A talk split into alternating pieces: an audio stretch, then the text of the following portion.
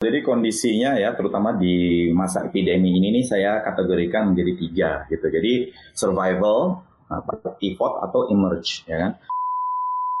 Daily Social Podcast.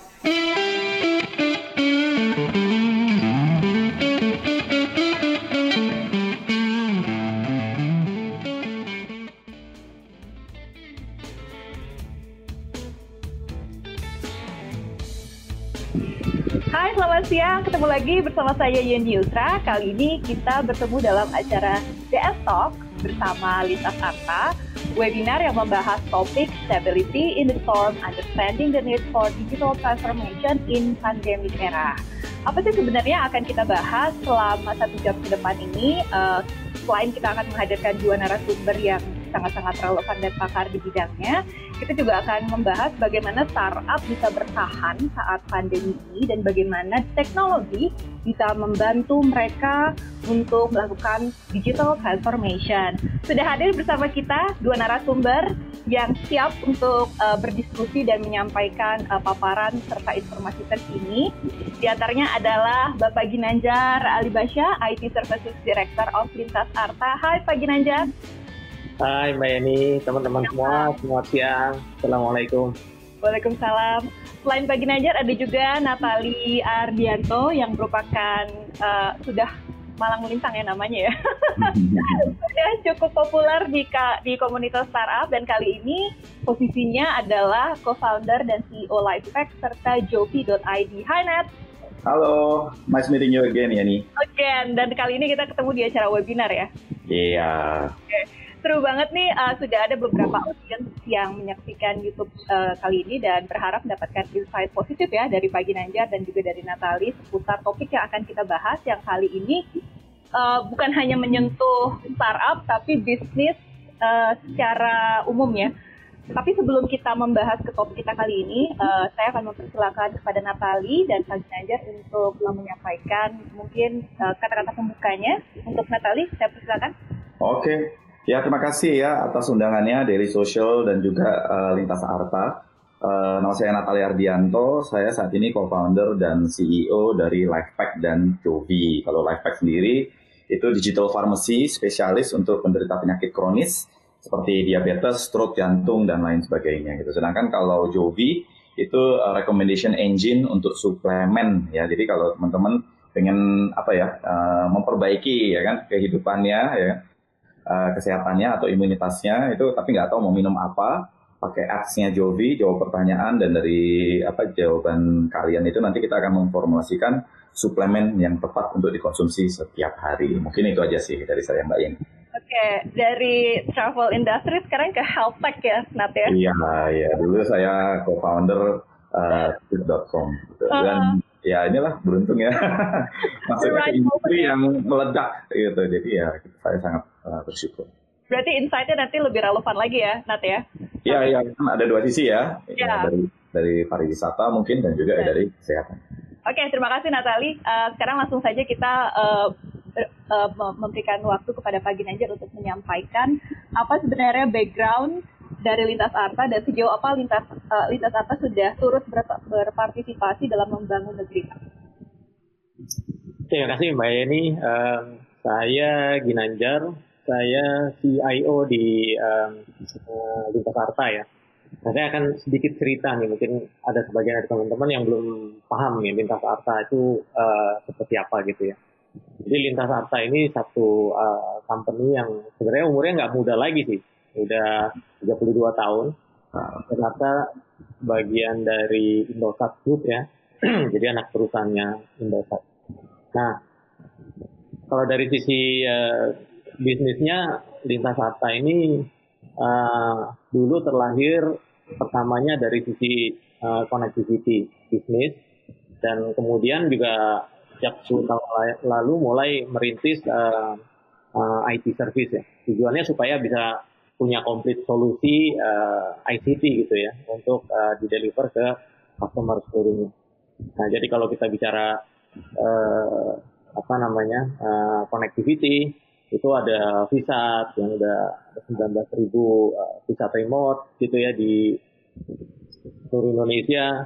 Kemudian ada juga fiber optik, uh, ada 180 uh, kota saat ini kita sudah deploy. Dan um, apa namanya ada perangkat komunikasi lain ya, radio, link dan lain-lain. Nah kalau di IP uh, solusinya sendiri, Lintas Arta sekarang punya yang namanya dari sisi infrastruktur itu ada ada data center ya, ada tiga data center. Kemudian uh, ada juga uh, cloud infrastructure.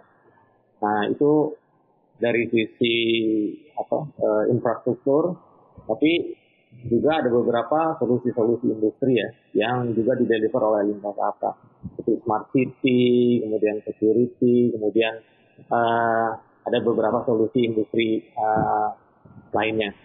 Nah, yang jelas sekarang itu sudah uh, ada dilayani oleh Lintas Arta itu sekitar 2.400-an uh, klien yang berupa enterprise dan uh, government. Jadi fokusnya Lintas Arta memang bukan ke B2C tapi lebih ke B2B saat ini. Mungkin itu sedikit uh, Mbak Yeni. Pokoknya intinya Pak Ginanjar lebih dewa dari saya. Besar banget perusahaannya. Banyak sekali layanan yang ternyata uh, ada beberapa yang bisa dimanfaatkan oleh startup ya Pak. Menarik dan sangat relevan untuk kita bahas. Tentunya, tentunya. Uh, Ya, tapi sebelum saya korek lagi nih Pak Ginanjar, saya juga mau tanya nih kepada anak startup nih Pak, Natali Pak, yang sudah uh, berkali-kali mendirikan startup, kerja di startup, dan kali ini akhirnya punya dua startup gitu ya Pak ya. Iya, uh, iya. uh, menurut Natali bagaimana sih uh, kondisi dan ekosistem uh, startup saat ini, terutama ketika uh, hitting hard ya, uh, terkena nah. dari pandemi dan seperti yang tadi Natali bilang sebelumnya pernah di travel industry tapi ke health tech dua industri yang saat ini mengalami impact paling besar gitu. Natali melihatnya saat ini seperti apa?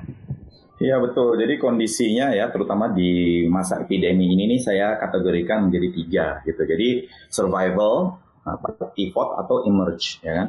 Nah kalau survival sendiri, uh, menurut saya sih uh, untuk teman-teman ya, terutama yang sudah menjalankan startup saat ini, jangan berasumsi corona ini nih selesai dalam waktu 3-6 bulan Ya, prediksi saya dua tahun.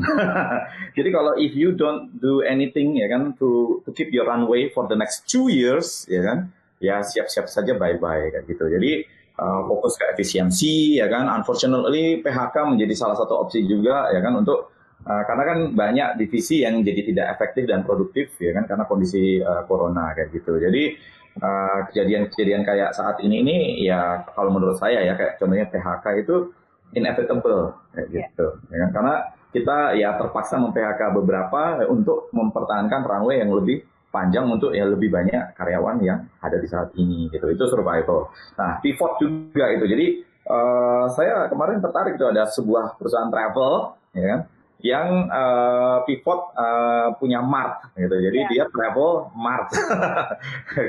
dan itu uh, sangat bagus dan luar biasa waktu itu istri saya waktu beli produknya ya kan kita agak komplain waktu itu. Loh kok alpukatnya keras banget pak? Ya kan? Nah, terus uh, kata mereka pak tunggu aja dua hari nanti udah enak gitu eh ternyata dua hari kemudian enak.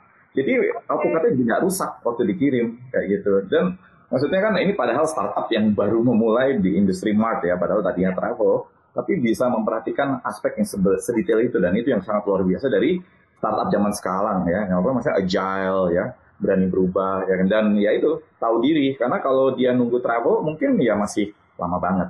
Ya. Nah, terus yang ketiga adalah emerge ya. Jadi memang banyak industri yang ya tiba-tiba jadi naik daun banget gitu kan? Terutama industri yang berkaitan sama uh, digitalisasi ya satu. Dan juga uh, ini uh, hyper local gitu. Kayak contohnya ya company saya sendiri ya di industri kesehatan ya kan? Terus ada juga company seperti titipku gitu ya. Jadi titipku itu uh, sekarang pasar-pasar itu diakses. Jadi kalau kita mau belanja pasar sekarang pakai titikku kayak gitu-gitu. Jadi hyper local itu sekarang uh, sangat-sangat efektif. Kenapa kok harus hyper local?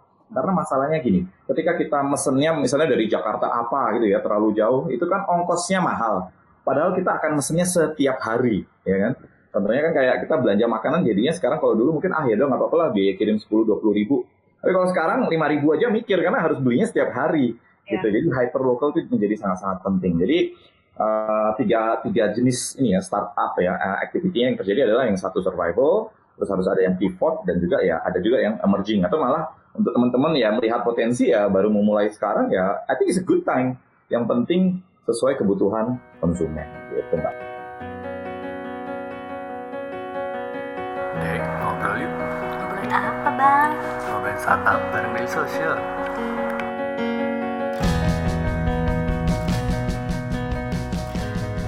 Daily Social Podcast. That brings me to my next question, uh, Nat. Uh, untuk bisnis kecil nih, nah, tadi kan yang disebutkan Natal itu startup yang lumayan udah lama ya. Uh, Hmm. Untuk bisnis yang baru mulai, ketika mereka mau mulai uh, digital transformation, apa sih yang mesti mereka lakukan atau persiapkan? Iya, jadi uh, tips saya ya untuk para entrepreneur itu meningkatkan sensitivitas, gitu. Ya kan? Karena opportunity itu ada di mana-mana. Masalahnya kadang kalau kita tidak menaikkan sensitivitas kita, ya jadi lewat aja kayak gitu ya. Jadi makanya open minded ini sangat penting. Ya kan? Dan saya paling suka ini triple A, gampang ngapalinnya ya. Aware, accept, adapt. Sebetulnya ini psikologi, tapi sangat di applicable untuk hampir semua aspek ya kan. Pertama aware dulu. Kita tahu nih uh, epidemi ya kan masalahnya customer apa sih saat ini oh iya itu tadi ya kayak titipku ya kan yang nggak bisa belanja pasar kenapa kok harus belanja pasar masak sendiri masih lebih murah daripada mesen produk yang sudah jadi ya kan jadi kayak istri saya beli 200 ribu tuh banyak banget itu bisa buat berminggu-minggu ya kan karena kan di pasar murah-murah terus ya harus masak sendiri karena kalau kita pesen terus dari Gojek atau Grab makin mahal. Nah itu jadi dengan awareness tentang kondisi saat ini ya kita bisa itu memikirkan apakah kita harus pivot, apakah oh runway kita cuma buat setahun, kata Pak Nat dua tahun, berarti kita ongkosnya harus setengahin supaya runway-nya jadi dua tahun ya kan. And then you try to do uh, a lot of things. Accept ya kan. Jadi kondisi saat ini jangan terus ya paling tiga bulan lagi, ya paling enam bulan lagi. You have to accept that the probability itu bisa bertahun-tahun. Ya. Ya, dengan menerima itu, ya, jadi kita mulai memikirkan yang namanya kalau aku sebutnya skenario, ya kan? Jadi kita mulai bikin skenario. Oke, kalau tiga bulan ternyata kondisinya masih kayak gini, kita lakukan ini. Kalau enam bulan kayak gini, kayak gitu. Jadi you have to try to accept the situation. Jangan jangan ter, uh, menurut aku loh ya, jangan terlalu optimis, gitu. Karena ya ris- ada research yang mengatakan orang Indonesia itu ya dalam kondisi corona ini, ini terlalu optimis. Ketika uh, saya lihat data ya, ada orang Indonesia bilang dalam tiga bulan corona ini akan selesai. Itu jumlahnya 31 persen. Bilang corona dalam waktu tiga bulan akan selesai. Ini research bulan Maret. Nah, apa apa? Tapi kalau di Asia ya dari research itu mengatakan orang yang menganggap tiga bulan lagi selesai itu cuma 7 persen. Jadi bayangkan orang Indonesia mikir 31 persen lagi tiga bulan kelar corona. Orang-orang di Asia itu 7 persen. Jadi optimisme kita itu udah berlipat-lipat gitu kan. Nah terus yang terakhir adalah adaptasi gitu. Jadi ya itu kita harus mau pivot lah, mau ya quote unquote ya terpaksa mengurangi jumlah karyawan supaya karyawan yang lainnya yang ada ya bisa dipertahankan ya kan karena kalau foundernya egois ya kenapa sih kok dari tadi saya ngomongin PHK ya karena gini kalau foundernya egois ya bisa aja sih. Ah saya nggak mau PHK karena uh, saya sayang semua semua karyawan. Tapi terus mati semuanya nggak dapat pekerjaan nih sama aja bohong. Ya kan? Jadi uh, sebagai entrepreneur you have to do a lot of hard choices ya kan?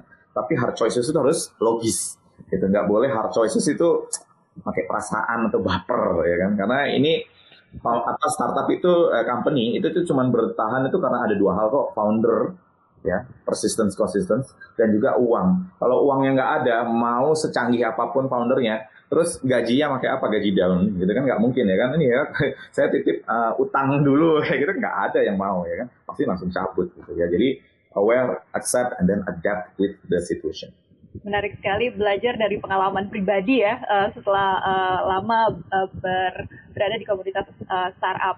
Ini menarik untuk di, diamati nih Pak, uh, Pak Ginajar karena uh, beberapa tahun terakhir ini uh, uh, korporasi khususnya yang mereka yang sudah usianya sudah uh, cukup uh, uh, seperti lintas atas tadi ya Pak sudah sekitar 22 tahun ya Pak atau 30 tahun sih? 32 tahun kalau lintas atas. 32 wow. tahun. Uh, itu sudah mulai melakukan digital transformation, mulai dari meng-hire profesional, uh, melakukan kolaborasi dengan startup.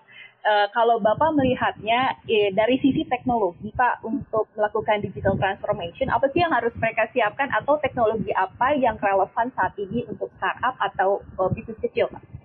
Ya, uh, nyambung dengan yang disampaikan Mas Natali tadi, memang di zaman pandemi ini uh, jadi challenge juga ya buat semuanya sebetulnya buat uh, baik perusahaan-perusahaan atau company yang sudah mature maupun buat startup juga uh, ada yang diuntungkan, ada yang di apa namanya, ada yang uh, mendapat musibah lah dengan uh, pandemi. Gitu.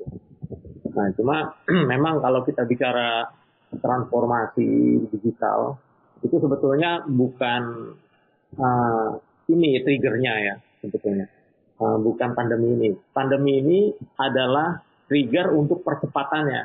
Hmm. Jadi sebetulnya kehadiran uh, teknologi yang sudah banyak di luar ya. Uh, teman-teman sudah tahu semua ada eh, apa namanya artificial intelligence, ada machine learning, ada apa namanya blockchain, big data, IoT dan macam-macam lagi lah.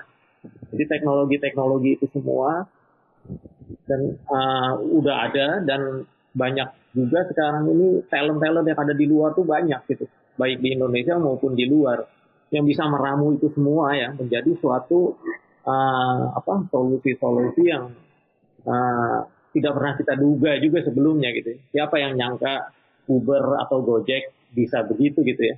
Ini tukang Gojek ya, ya gimana cara ngaturnya gitu kan ya? Ah. Tapi akhirnya bisa. Terus juga uh, jualan uh, yang e-commerce e-commerce sekarang juga nggak kepikiran. Tapi something yang we never think about before gitu ya can happen dengan uh, adanya segala macam fasilitas-fasilitas teknologi yang ada itu. Gitu. Nah, uh, trennya sekarang semua jadi mengarah ke sana. Jadi kalau nggak ke arah ke sana itu bisa didisrupt nantinya. Jadi perusahaan-perusahaan aset yang besar pun uh, apa namanya yang apa berdasarkan asetnya seperti mining dan lain-lain pun pergi ke arah uh, digital gitu ya. Jadi transformasi uh, ke arah digital itu is a must. Jadi yang pertama data data apa namanya data di dalam corporate itu juga harus dikelola dan itu bisa menghasilkan satu informasi yang sangat berguna buat uh, bisnisnya ya.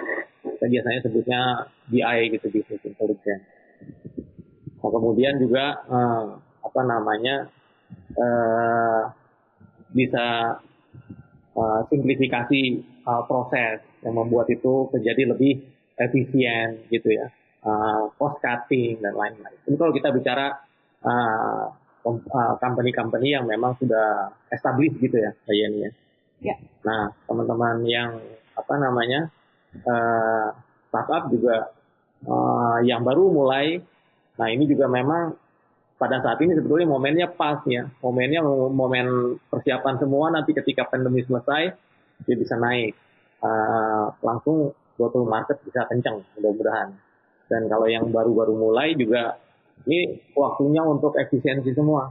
Kalau kita lihat komponennya, uh, ada apa namanya, ada infrastruktur yang akan dipakai untuk transformasi digital itu ya.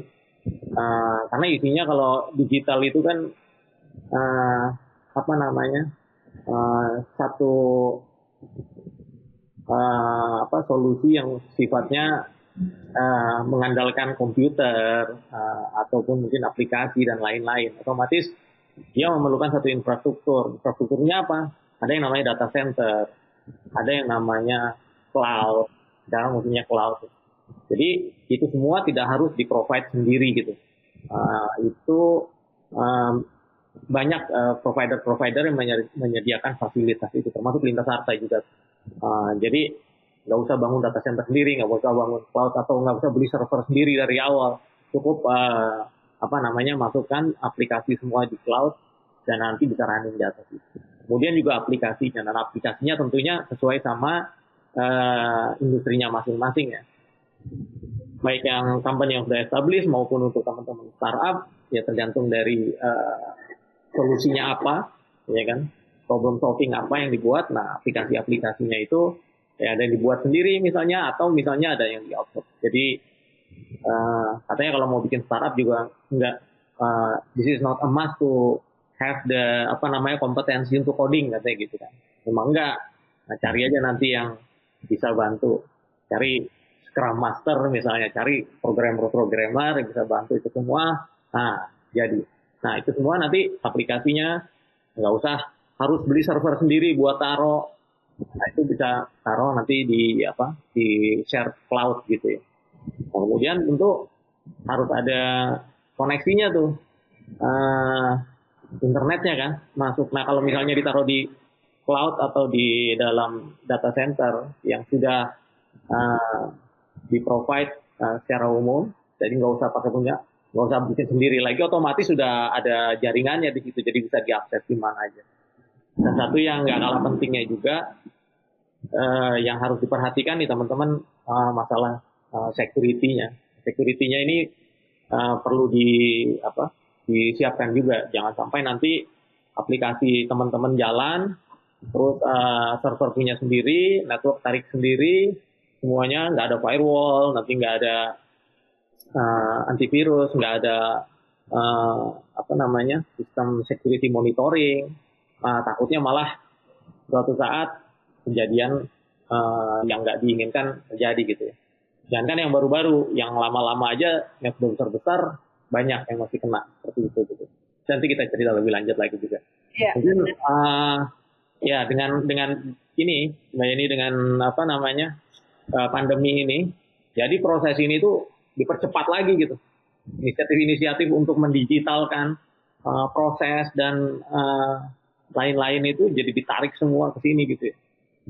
Jadi uh, apa namanya mau nggak mau suka nggak suka ya asalnya juga nggak pernah meeting pakai ini nih pakai uh, online online ya nggak pakai pakai online sekarang online semua nggak Iya. satu pun sekarang meeting yang onsite anak-anak juga pak jadi memang uh, dan itu change semua behavior habis itu ya terus belum lagi nanti ada aplikasi-aplikasi yang harus disiapkan juga buat semua uh, enterprise untuk uh, bisa menunjang uh, semua employee-nya untuk bekerja dari remote gitu. Jadi bekerja dari mana saja dan macam-macam lagi. Jadi suatu keharusan gitu. Itu Mbak Yani kurang lebih. Jangan lupa subscribe Ngobrolin Startup Daily Social Podcast di SoundCloud, Spotify, atau aplikasi podcast favorit kamu. Terima kasih Pak. Uh, Oke, okay, Nat kembali lagi nih. Sekarang kita ngomongin sektor pariwisata dan health tech, dua industri yang mengalami keuntungan tapi di sisi lain juga mengalami the greater loss gitu ya uh, in terms of tourism gitu ya. Sebagai player yang pernah bermain di travel dan sekarang di health tech, uh, what do you think about that? Iya, jadi uh, menurut saya saya orangnya tuh positive thinking banget ya. Jadi maksudnya kalau untuk industri health itu ya kita harus memanfaatkan ini kan momen ya kan ride the wave gitu. Karena jujur dulu waktu zaman di tiket.com ya ketika kita memulai pun itu uh, apa online travel tuh nggak ada gaungnya. Tapi setelah kita jalanin satu setengah tahun, tiba-tiba banyak banget online travel lain yang bikin dan itu sangat-sangat membantu kita juga ya kan? Karena marketing tadinya kan kita doang yang berjuang ya kan? Terus ternyata ada kompetitor seperti Traveloka dan lain-lain gitu kan? Itu langsung omset kita tiba-tiba buzz gitu ya kan? Naiknya luar biasa. Kalau nggak salah 1400 persen waktu itu dari year to year. Nah sekarang ya saya kebetulan ada di health ya. Ya itu beruntung banget kan? Saya riding the wave gitu kan? Dan concernnya apa sih? Konsumen uh, imunitas ya kan? Ya jadi produk Jovi suplemennya kita lebih banyak merekomendasikan untuk immunity apalagi untuk rekan-rekan yang sudah mulai masuk kan kantor ya. Terus nggak ada pilihan karena bosnya nyuruh masuk kantor. Ya kan? Ya naikkanlah imunitas kalian gitu. Sehingga walaupun terpapar pun jadi OTG lah semoga ya kan? Orang tanpa gejala gitu. Jadi biar nggak terlalu sakit itu. Nah tapi kalau misalnya kayak industri-industri uh, lain yang kena nggak cuma travel ya tapi ya. macam-macam yang lainnya mining dan lain-lain ya kan? Anggap aja ini nih uh, kayak uh, gini kita tuh kayak mempersiapkan ya kan? Oke okay saat ini kan kita nggak bisa melakukan apa pun ya kan? Mau berkuar-kuar ayo ayo travel ya nggak ada yang bisa travel ya kan?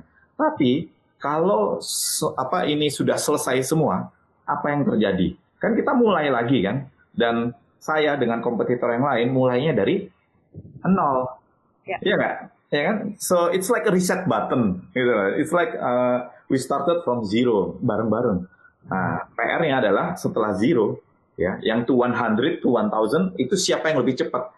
Itulah saat ini waktu kalian untuk mempersiapkan ketika ya COVID ini corona ini selesai. Nextnya apa gitu. Jadi jangan ketinggalan gitu. Jadi walaupun kondisi lagi jelek itu jangan terus di rumah menangis merana sendirian ya kan? Tapi pikirkan oke okay, uh, skenario planningnya kalau yang masih COVID gini gini gini nanti kalau COVID-nya misalnya ternyata vaksinnya udah keluar dan orang udah berani atau nekat keluar ya. Saya udah disuntik jadi saya berani keluar ya kan? Apa yang saya lakukan? Pasti banyak yang jalan-jalan ya kan?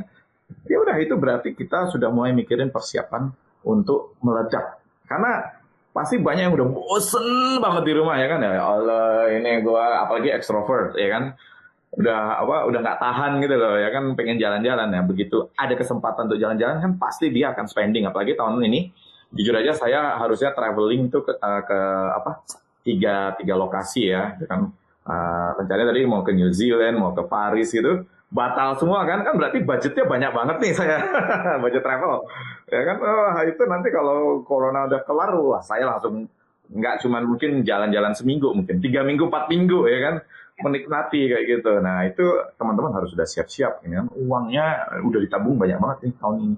Tahun depan travelingnya pasti lebih gila, gitu misalnya. Ya tapi jangan telat, ya kan? Jangan terus kompetitornya lebih ready dari kita. Ada yang bilang uh, saat ini justru the right time untuk melakukan uji coba atau testing new business model ya, seperti yang tadi Natalie bilang dari properti jadi groceries gitu ya. Uh, setuju nggak Nat dengan uh, pernyataan? Iya, ya itu pivot lah ya, maksudnya pivot. Tapi gini, ketika pivot dan pivotnya omsetnya lebih gede daripada produk aslinya, ya. ngapain terus kita kerjain produk aslinya lagi gitu, ngerti nggak maksudnya? Ya fokus ke yang kita pivot dan setelah corona ya malah lebih gede lagi pasti gitu, ya kan? Karena gini, ada research mengatakan untuk menciptakan habit atau behavior itu butuh waktu 66 hari, ya kan? Dan ini kita sudah berapa ini? Udah lima bulan lebih, ya kan? Gitu. Jadi habitnya tuh sebenarnya udah terbentuk. Gitu. Dan research juga mengatakan ya, uh, setelah corona, berapa persen orang yang akan kembali ke mall itu cuma 84 persen. Berarti hilang itu 16 persen. Itu ya. ke mana? Ya udah enak di rumah gitu loh. Udah belanja tuh udah enak gitu. Udah terbiasa grocery shopping. Ya saya Tokopedia tuh hampir satu dua hari belanja melulu gitu kan. Ya, ya itu udah udah udah enak karena cuma nunggu ya kan terus ongkir sekarang udah bebas ongkir semua ya. Ya, jadi saya sehari satu karena saya menabung oh ini saya udah shopping cart ini ya nggak bisa check out karena saya mau ongkirnya jadi saya tunggu besok besok setiap hari belanja belanja terus gitu kan ya kayak gitu Pak. Oke, okay. menarik nih Pak Ginanjar. Tadi Natalie sudah menyebutkan beberapa sektor yang uh, cukup survive bahkan uh, tampil lebih unggul ya seperti groceries, e-commerce, health tech, uh, edutech bahkan ya Pak ya. Yep. Bapak melihat uh, sektor-sektor apa lagi Pak uh, in terms of startup yang bakal bangkit saat pandemi atau uh, mungkin nanti usai pandemi berakhir gitu ya. Kemudian sebagai perusahaan nih Pak uh, kolaborasi seperti apa sih yang lintas startup bisa tawarkan untuk mereka Pak? Oke. Okay. Uh, ini semua apa semua industri ya sebetulnya ada kena dampak juga, ada yang langsung, ada yang nggak langsung. Ya dampaknya pasti ada yang positif, ada yang negatif juga dengan momen ini. Nah kalau kita lihat apa industri turism gitu ya, wah gelapnya apa kawan-kawan yang di Bali juga bilang sepi banget di sana gitu kan. Kayak hotel nggak ada isinya, apa restoran tempat makan juga nggak ada. Itu pariwisata aja yang mau ke pantai juga antri dulu katanya dibatasin juga katanya mau uh, apa itu yang paling kena dampak. Ada aerospace, kemudian mobility itu juga kena dampak uh, pesawat nggak bisa terbang gitu ya, grounded dan lain-lain. Tentunya ke yang digital-digital ini juga beberapa solusi yang apa uh, yang ada juga kena impact. Nah, tapi ada juga yang positif-positif gitu ya, seperti uh, health industry. Kebetulan uh, Mas Natal itu pas banget itu ya. itu berkah dari dari itu benar itu. Siapa yang bisa nyangka ya Mas Natali ya? Iya, saya juga. Juga di situ nggak akan ada bisa ngerencanain dulu. Saya yakin Mas Natali merencanakan masuk healthcare bukan gara-gara masih akan ada pandemi kan? Iya. masih. Tahun lalu Pak, udah mau nah, tahun lalu bulan Juni, jadi belum nah, ada. Itu industri healthcare adalah satu-satu uh, salah satu industri yang uh, positif di masa ini ya. ya. Kemudian ada industri chemical juga, uh, material food juga ya, uh, personal care dan lain-lain ada beberapa lagi juga. Nah, tapi saya pikir sih uh, apa sedikit banyak juga walaupun uh, yang positif itu sekarang uh, misalnya bagus ya, tapi kalau misalnya ini berlangsung lama, nah harus diwaspadai juga nih karena uh, bagaimanapun uh, kalau misal berlangsung lama, aktivitas ekonomi kurang, dan akan berdampak juga ke dalam ini ya apa namanya kemampuan belanjanya dari masyarakat juga. Jadi nanti e-commerce biasanya sekarang masih banyak nih enak belanja-belanja banyak gitu ya. Nah, nanti ketika udah makin berkurang nih daya belinya, nah mulai walaupun yang di online juga berkurang. Sekarang yang berkurang yang nggak ada yang pergi ke mall misalnya. Tapi nanti lama-lama takutnya berkurang juga. Jadi eh, baik yang apa namanya yang terdampak negatif dan positif, saya pikir sih uh, saat ini memang harus pencet tombol istilahnya apa ya surviving mode tadi disampaikan oleh Mas Natali, Natali juga di awal.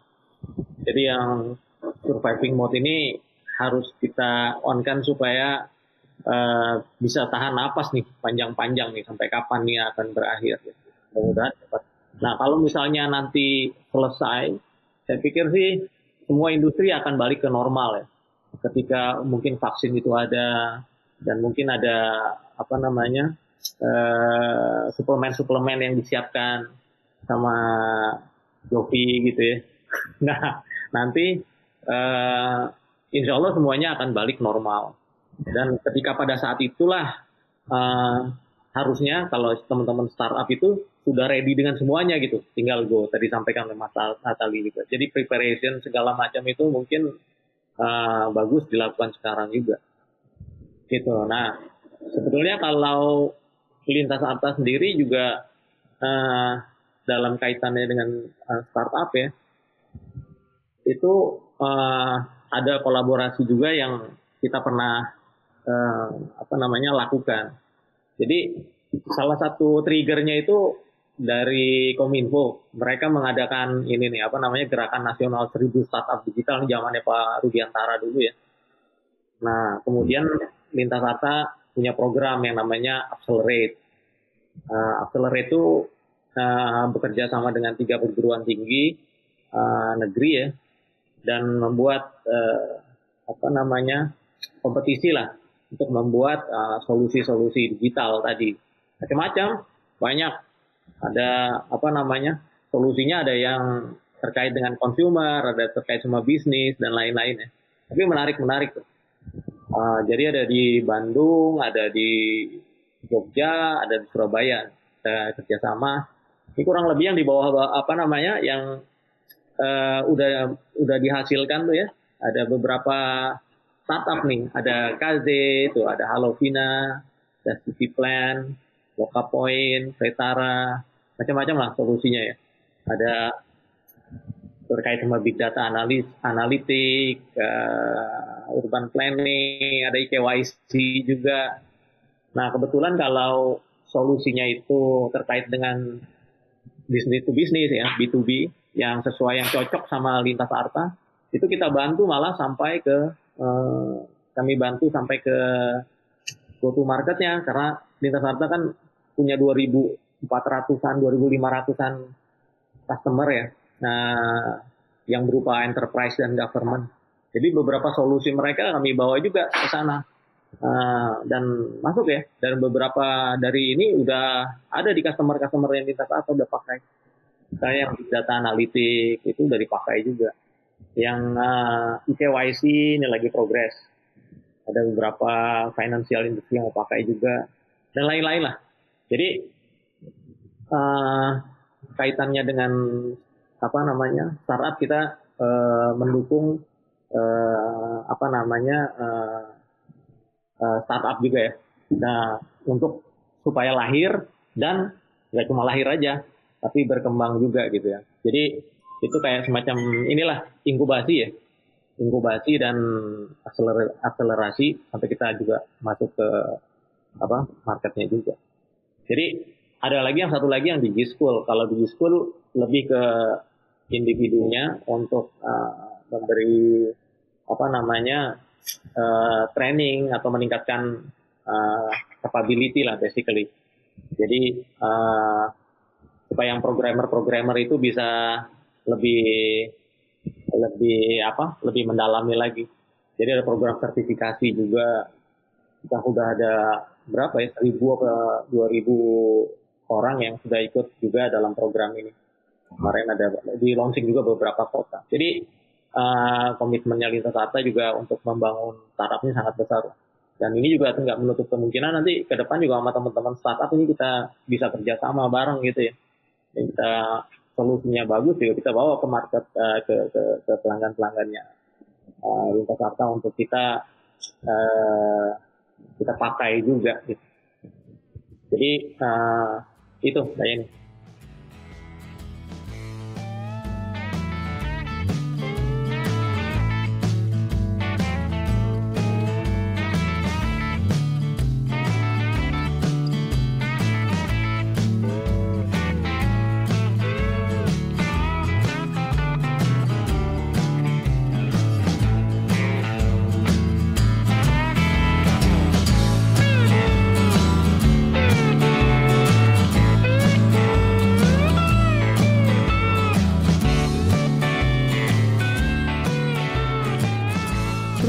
touch bersama kita di dailysocial.id untuk website kita. Di Facebook kita ada dailysocial.id, di Twitter kita ada @dailysocial dan di Instagram kita ada @dailysocial.id. Di LinkedIn kita ada Daily Social dan di YouTube kita ada Daily Social.